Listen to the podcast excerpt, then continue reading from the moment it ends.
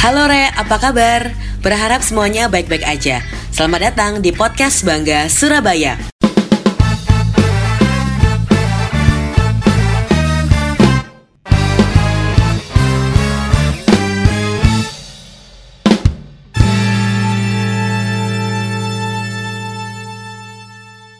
Kalau sekarang kita ngelihat udah nggak asing lagi dengan istilah zero waste. Salah satu gerakan untuk mendaur ulang, kemudian mengurangi serta meminimalkan bahan yang dapat mencemari lingkungan. Misalnya, ini sekarang lagi happening banget banyak gerakan untuk mengurangi penggunaan plastik. Kalau kita ngeliat di Instagramnya Bangga Surabaya, di at Surabaya, sekarang ada juga gerakan Surabaya Zero Waste. Kemudian kalau kemarin sempat ada juga gerakan mulai dulu aja pakai tumbler, gitu kan. Nah, anyway ini yang belum follow at Surabaya bisa langsung di follow Instagramnya. Gak cuma ada Instagram, ada juga Twitter, juga Facebook, sama di Bangga Surabaya.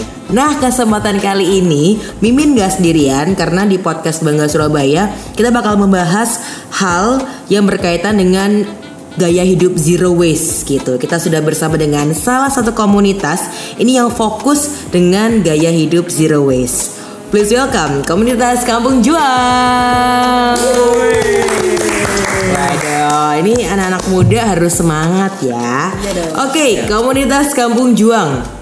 Kita harus kenalan dulu dong. Ada siapa di sini? Ozaki sebagai project leadernya. Oke, ada Mas Zaki, Saya Novi. ada Mbak Novi, Saya Daniel. ada Daniel, Saya Merita. ada Merita. Jadi ada eh, dua orang pengurus inti ini volunteer ya, dua orang lagi ya. Dan Mas Zaki selaku project manager dari sorry, project leader dari Kom- Kampung Juang gitu. Gimana kabarnya Mas, Mbak? Sehat luar biasa. Alhamdulillah. Salam lestari. Wes, oh ada salamnya ya? Apa ada salam? Salam lestari. Hijau berseri.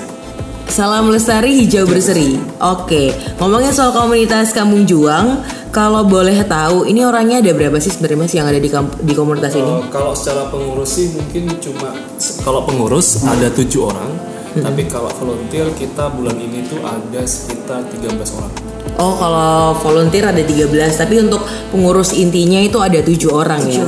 Oke, dan kalau ngomongin soal eh, Kampung Juang, sebenarnya udah berapa lama sih Mas komunitas Kampung Juang ini berdiri? Kalau Kampung Juang itu berdirinya mungkin baru bulan April. April tahun 2018. Jadi April baru 2018. Setahun 4 bulan. Setahun 4 bulan.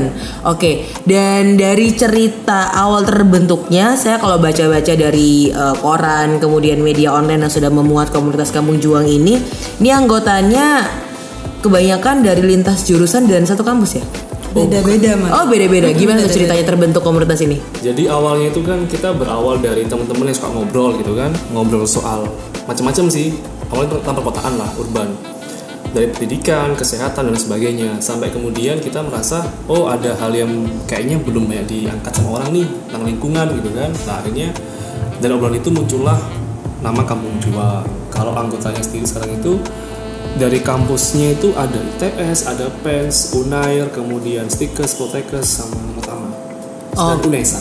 Unesa juga. Oke, kalau dari volunteernya sendiri rata-rata yang gabung anak-anak kuliah atau SMA mungkin ada? Anak kuliah dan freelancer.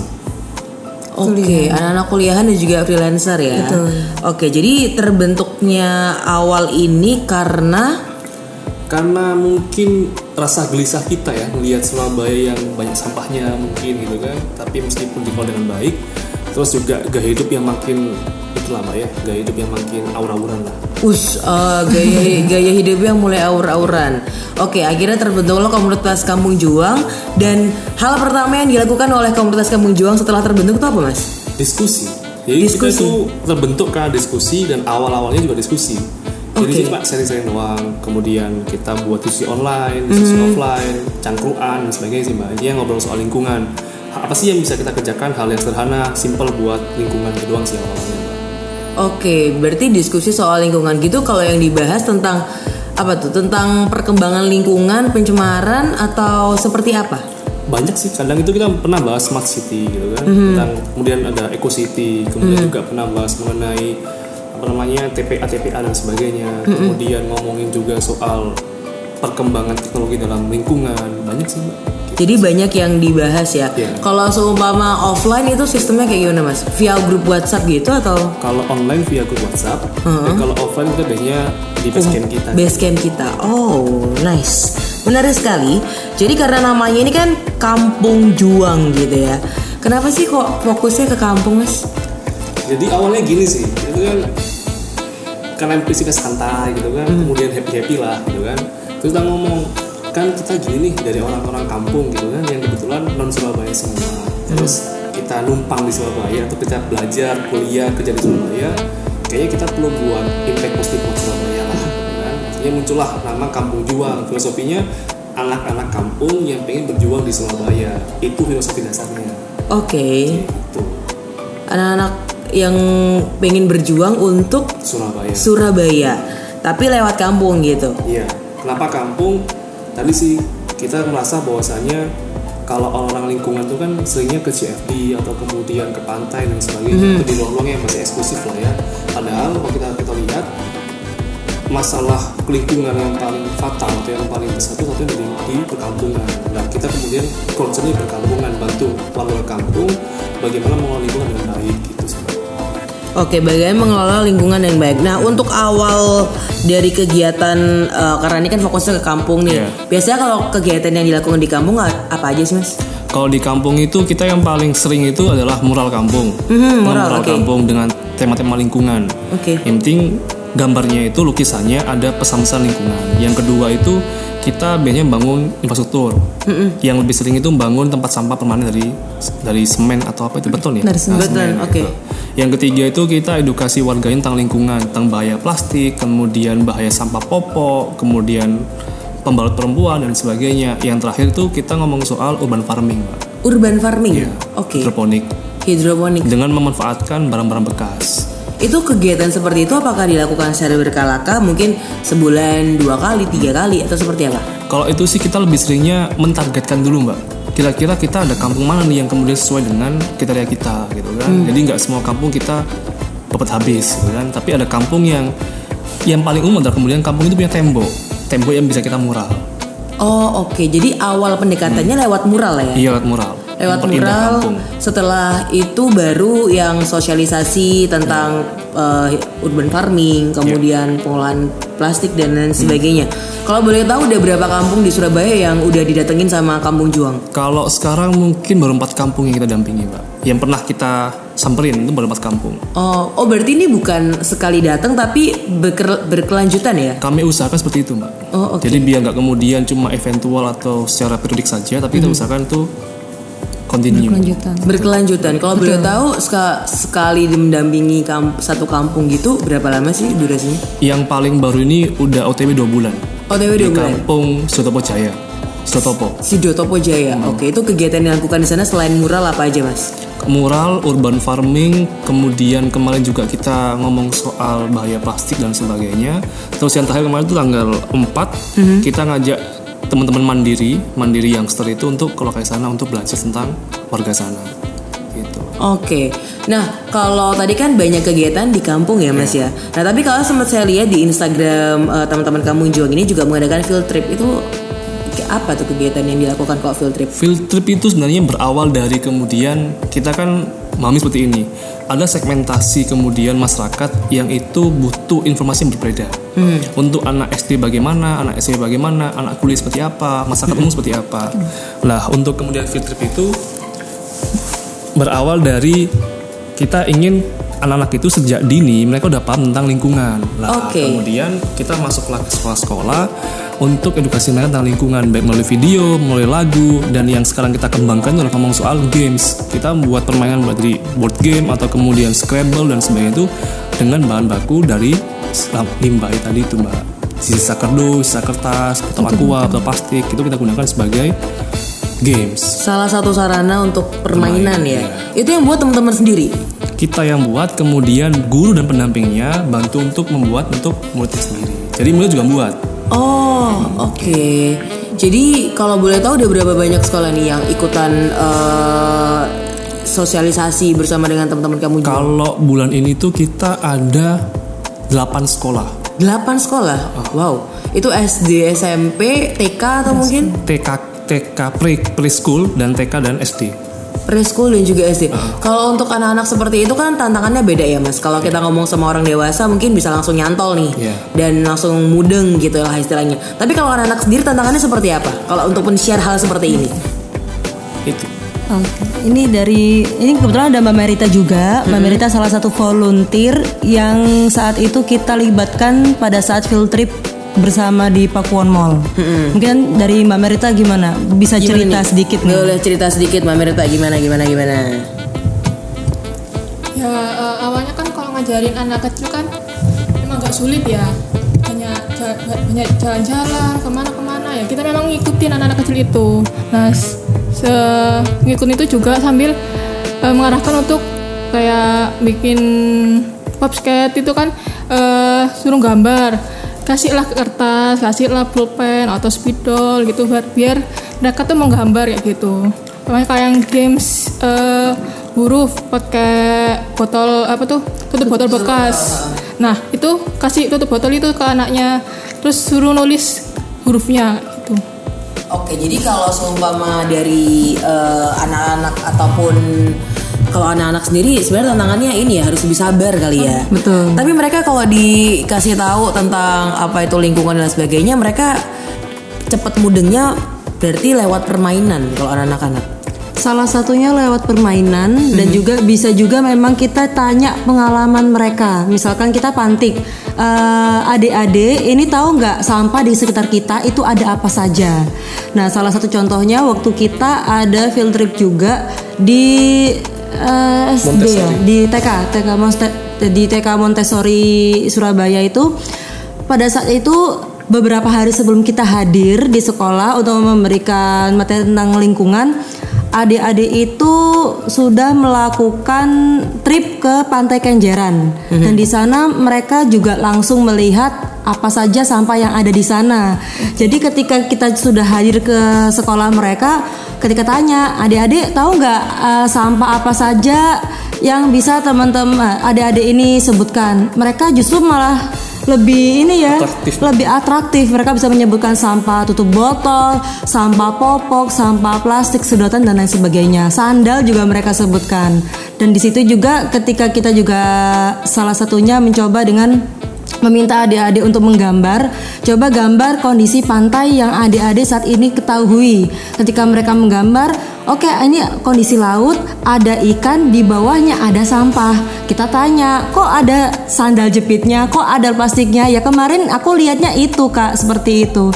Sebetulnya kan dari sedini itu di usia sedini itu mereka juga sudah memahami bahwa itu sampah dan perlu adanya semakin apa ya eh, pengarahan lagi bahwa salah satu cara untuk menguranginya dengan cara kita menguranginya misalkan kita tapak, tapak makan sendiri, kita membawa tas sendiri, Tas kita sendiri. membawa botol minum sendiri seperti itu supaya tidak berakhir menjadi sampah di lautan seperti yang ada di gambar seperti itu.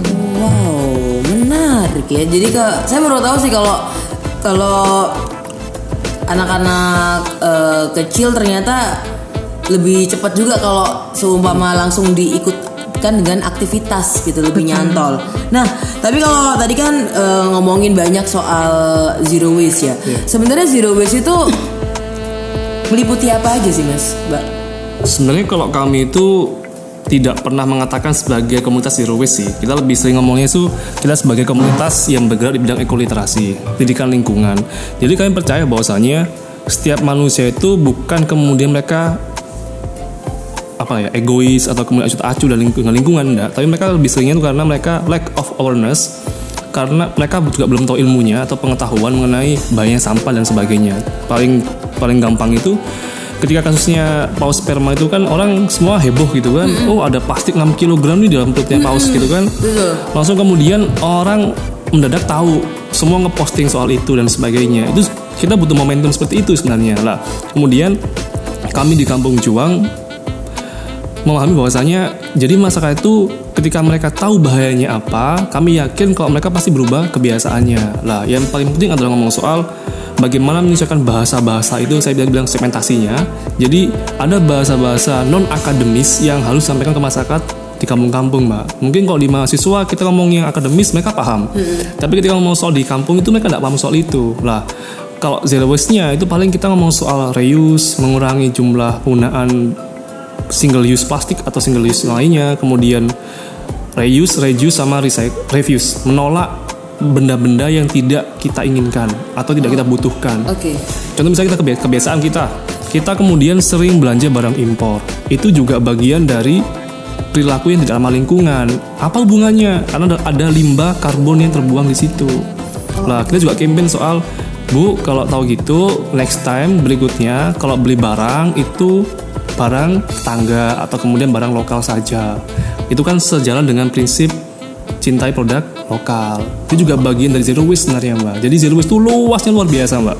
Tidak cuma soal plastik atau kemudian sedotan gitu kan atau tumbler dan sebagainya. Tapi ngomong soal bagaimana kita menjalankan prinsip hidup yang berkelanjutan, yang ramah lingkungan, bertanggung jawab itu prinsip utama dari zero waste. Oke, jadi prinsip utama dari zero waste adalah bukan hanya soal melulu soal plastik maupun tumbler dan ataupun lain sebagainya, tapi yang utama adalah bagaimana kita menjaga lingkungan itu Ya. tetap asri.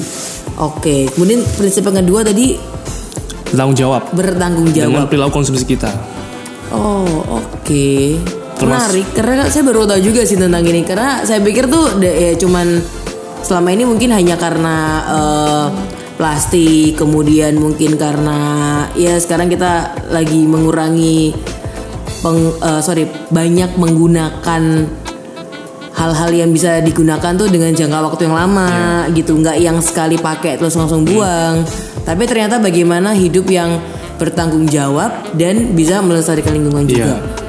Oke, jadi itu teman-teman tentang zero waste gitu kan. Nah, tapi kalau menurut teman-teman kamu jual sendiri gaya hidup zero waste di Surabaya sebenarnya perkembangannya seperti apa?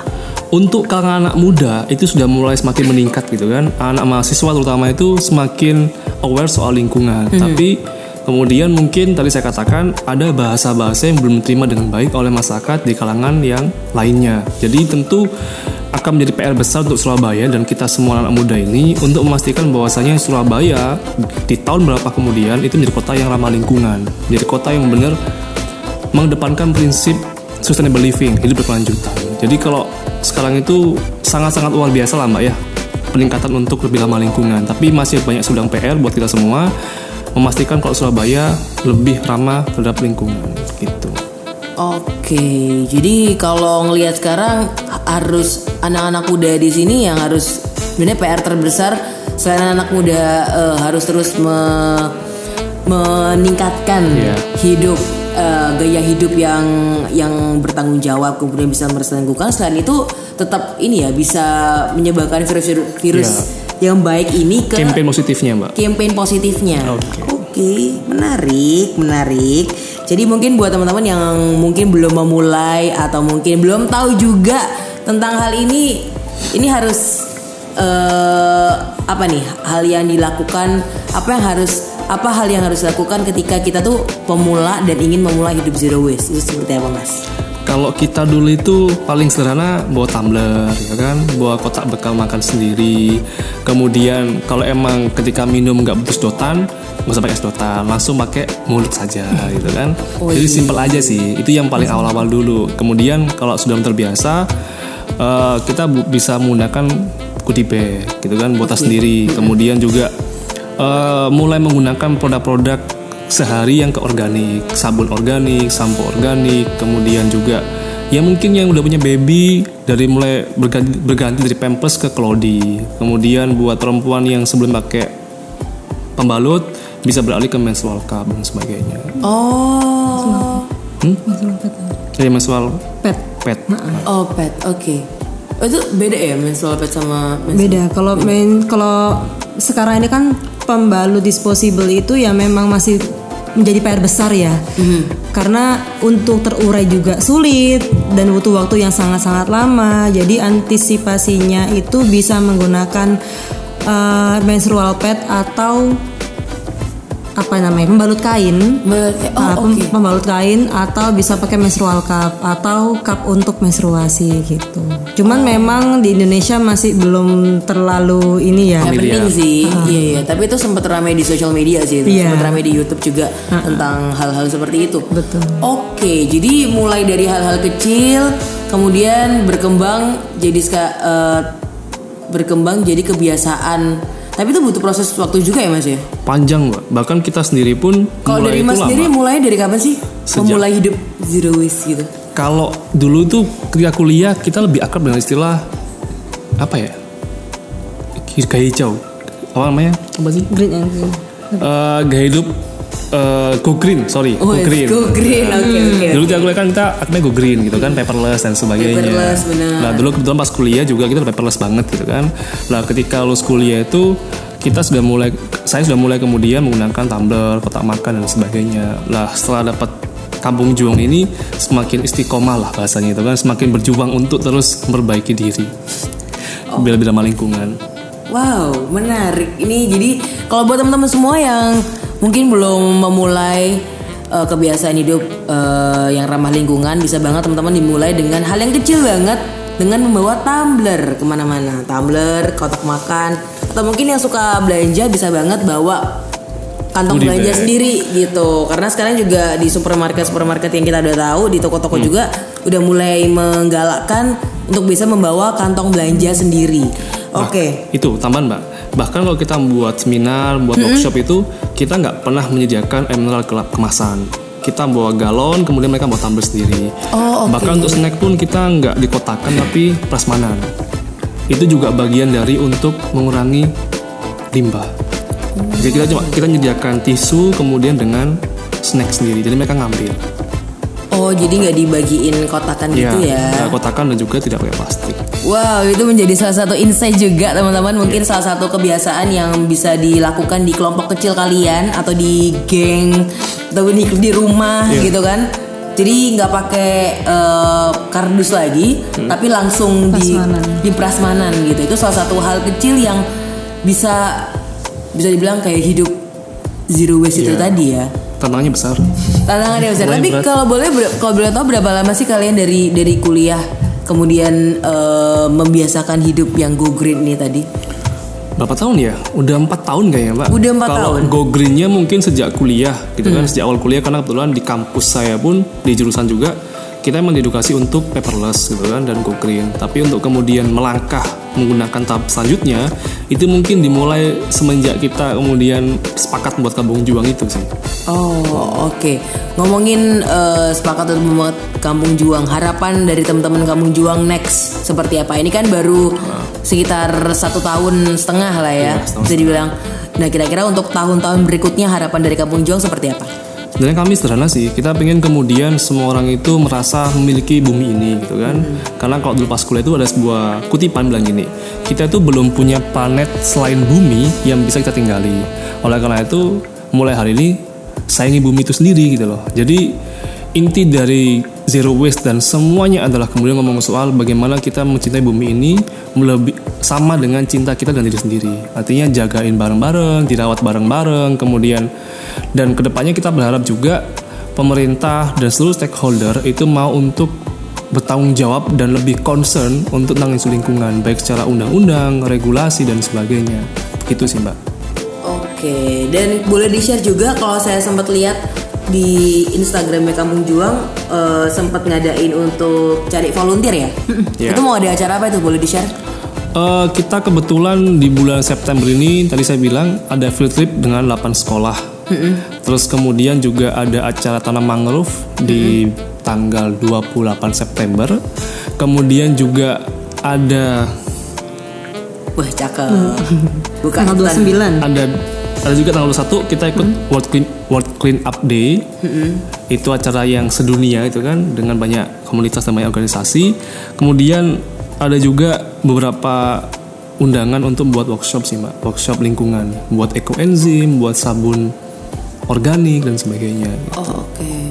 Jadi ini buat teman-teman volunteer yang pengen mendaftar. Ini teman-teman Kampung Juang lagi buka pendaftaran volunteer. Jadi bisa langsung lihat di Instagramnya. Instagramnya apa? Kampoeng.joel ejaan lama. ejaan lama. Jadi kampoeng.djoeang. Oke, itu tadi teman-teman. Ada ini sosial media lain mungkin selain Instagram? Ada Instagram doang. Oke, adanya Instagram doang. Jadi buat teman-teman semua yang pengen tahu tentang em, Kampung Juang, kemudian pengen tahu aktivitasnya seperti apa, kegiatannya apa aja, dan mungkin pengen terjun langsung karena pengen tahu kegiatan eh, realnya itu seperti apa, bisa langsung gabung di volunteer Kampung Juang karena mereka lagi buka pendaftaran. Pendaftaran terakhir sampai kapan, Mas? Sampai seterusnya. Oh, seterusnya, oke. itu juga mungkin bisa tanya langsung bagaimana pengalaman mereka jadi volunteer gitu kan mbak oke Oke, oh bener bener bener banget. Oke, saya pengen dengar tadi tadi udah hadir di sini tapi belum ada suaranya. Saya pengen dengar suaranya Mas Daniel. Hai Mas. Hai. Mas Daniel kalau boleh tahu nih, boleh di sharingin sedikit nggak sih eh, bagaimana eh, pengalamannya Mas Daniel ketika bergabung volunteer di komunitas Kampung Juang? Ya, pengalaman saya dari ikut komunitas Kampung Juang ini saya juga baru sih nih di Kampung Juang ini juga baru ada baru ikut kegiatannya baru dua kali ini juga dan buat saya tuh sangat tertarik. Saya tertarik karena apa? Karena komunitas ini sendiri tuh menggerakkan buat masyarakat di kota Surabaya sih. Terutamanya kita kan fokusnya juga masih di kota Surabaya juga untuk peduli dengan lingkungan, terutama di kalangan anak-anak muda. Karena kita juga ingin juga anak-anak muda itu sadar bahwa sampah itu sangat berpengaruh buat lingkungan dan sangat berdampak juga juga buat sekitar kita juga sih seperti itu. Dan pengalaman dari saya sendiri menjadi volunteer ini sendiri saya menjadi tersadarkan bahwa sampah itu sangat berpengaruh di kehidupan kita. Karena dengan adanya sampah kita juga terpengaruh di kesehatan kita juga kan. Dan juga saya lebih memiliki banyak pengalaman dari ikut kegiatan volunteer ini sih jadi kesan-kesan saya buat anak-anak Surabaya ayo rek eh, buatlah teman-teman hidup kalian itu peduli dengan sampah. Yuk ikut dan join buat gabung dengan kita menjadi volunteer. Saya sendiri baru awal sih rek, cuman kesan pertama saya itu saya langsung uh bangga saya ikut komunitas ini karena bener-bener peduli banget dengan lingkungan di kota Surabaya sih. Saya sendiri kan juga asli Surabaya rek. Jogo lah Jogo Surabaya iki. I- Itu pesen dari wali kota kita Ibu Risma. Yuk join rek. Kita masih terus open recruitment terus buat anak-anak kota Surabaya. Oke, kalau boleh tahu dua aktivitas yang sempat Mas Daniel ikutin apa nih?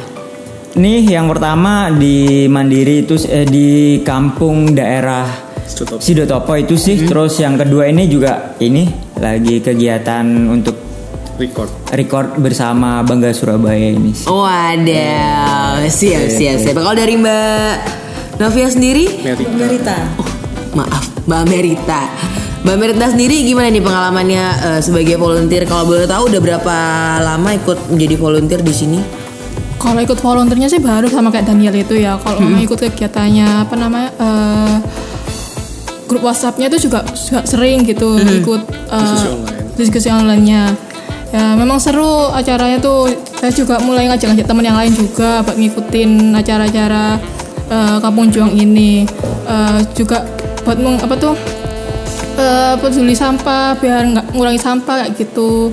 Apalagi kan eh, di Surabaya kan apa eh put- peduli sampahnya kan mulai meningkat. meningkat gitu kan. Nah jadi mulai eh, mulai ber- bertahap lah dari selama sendiri terus kemudian ngajak yang lain gitu. Oke, nice teman-teman semua. Jadi itu tadi sharing-sharing yang diceritakan gitu kan oleh teman-teman Kampung Juang dari volunteer, kemudian dari eh, foundernya CL ya ada Mas Zaki juga di sini. Jadi itu tadi buat teman-teman mungkin yang sekarang mungkin belum memulai hidup atau memulai dengan gaya hidup eh, go green, kemudian zero waste, bisa banget teman-teman dimulai dari hari kecil banget lewat penggunaan tumbler, bawa tempat makan sendiri. Kalau nggak perlu-perlu banget pakai sedotan plastik, nggak usah pakai sedotan plastik. Kemudian bisa juga eh, bawa kantong belanjaan sendiri, gitu kan. Bahkan kalau sekarang juga pakai apa stainless straw itu juga ngaruh mas ya.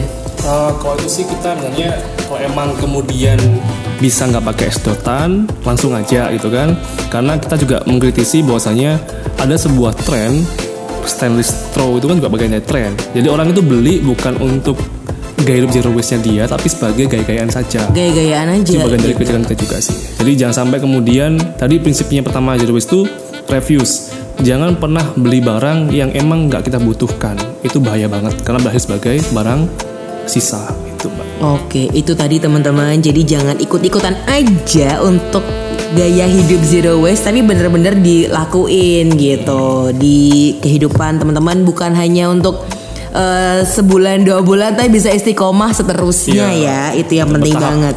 Bertahap teman-teman mungkin eh, harus jatuh bangun nggak apa-apa, dicoba dulu. Kalau nggak dicoba nggak bakal tahu juga gitu kan seperti apa. Yo, Dan yang pasti thank you so much buat teman-teman kampung Juang udah sharing hari ini. Sama-sama. Thank you so much. Ini hal kecil banget tapi bisa berdampak eh, luas dan besar pastinya karena berhubungan dengan lingkungan juga, gaya hidup juga. Jadi thank you so much buat eh, teman-teman yang udah sharing dan buat teman-teman yang pengen tahu aktivitas seperti apa bisa langsung lihat di Instagramnya mereka di @kampoeng.joeang. Juang, Kampung Juang Ejaan Lama. Bisa langsung lihat di Instagramnya seperti apa. Dan yang pasti thank you so much juga buat teman-teman yang sudah join podcast Bangga Surabaya. Sampai jumpa di podcast Bangga Surabaya berikutnya